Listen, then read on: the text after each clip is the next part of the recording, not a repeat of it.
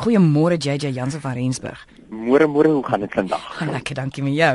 Lekker, dankie. Die sonnetjie is agter 'n paar wolkies, maar ek seker af van ons gaan 'n lekker dag hê. Hierdie wolkies is 'n bietjie dikker as die winterwolkies, nee, is 'n bietjie dit dit, dit lyk na effe reënwolkies. Ja, nee, die mense praat dit so daar's 'n volgvol area het jy vroeër gesê, ehm um, reën dit mos so fyn, ja. so fyn motreentjie, maar nie wat ek hoop ons gaan hier so 'n lekker dag hê, dit gaan lekker warm word en die mense kan weer in die tuin inspring. Lekker, lekker, lekker. Ehm um, ek het net gou 'n vraag van Arnold van Rustenburg voordat ons wegval met dit wat jy wil sê. Hy vra of ek vir jou moet vra of al die reëls van rose snoei geld vir icebergs ook kyk oor die algemeen moet 'n mens maar kyk na jou icebergs. As 'n mens hom laag sny, soos wat jy jou ander rose gaan sny, gaan hy net laer blom en dit is glad nie 'n probleem nie. So ja, al die reëls volg daarvoor ook of uh 'n mens kan dit daarop ook toepas. Maar as mens kyk na icebergs, wil jy altyd eintlik jy moet 'n klein bietjie hoër blom. Jy weet so wat ons gewoonlik doen is ons sal jou iceberg sal ons 1 jaar 'n bietjie hoër snoei en die tweede jaar weer laag sodat jy hom kans gee om ook hoër tussen die ander plante uit te staan.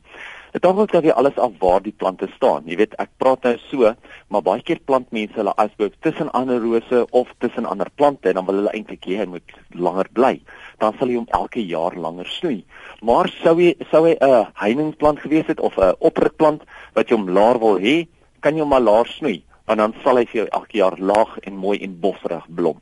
So die die eintlike snoei is presies dieselfde, maar as dit nou net kom van die hoogte, maak dit effens 'n verskil. Dankie JJ. Wat het jy te sê vir môre? Wat moet ons in die tuin doen? Weet jy daar's eintlik so baie wat mense hierdie tyd van die jaar kan doen. Eerste van alles moet mense kyk na watter van jou wintersaailinge is besig om nou saad te skiet. Jy weet ek kyk net byvoorbeeld na jou speelblomme, jou goudsblomme, jou pronkertjies, almal van hulle is nou besig om saad te skiet.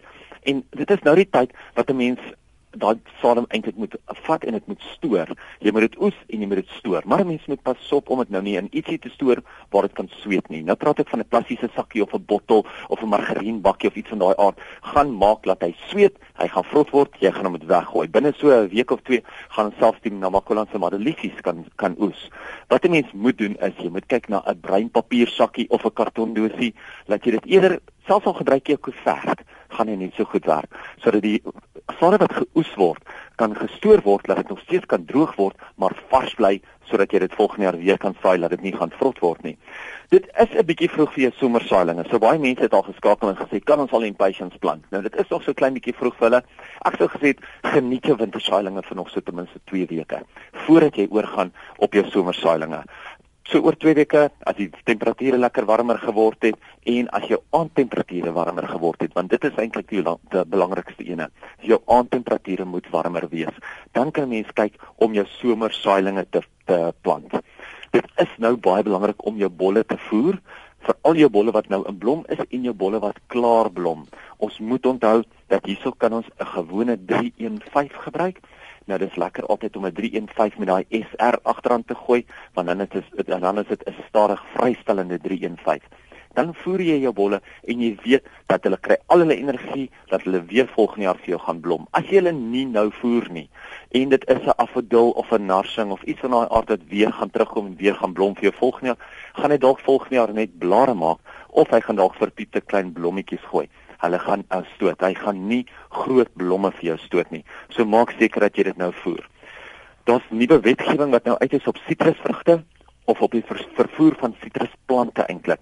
Mens moet pas op as jy nou sitrusplante van een provinsie na 'n ander provinsie vervoer, maak maar doodseker by jou kwekery dat jy dit wel mag doen want ons gesukkel geweldig met twee siektes op die sitrus en die een is natuurlik die swart vlek en die ander een is die vergroening van die sitrus en daar's nou nuwe wetgewing wat sê dat mense moet seker maak dat jy dit wel van een provinsie na 'n ander provinsie mag vervoer om seker te maak dat jy nie die res van die land besmet nie.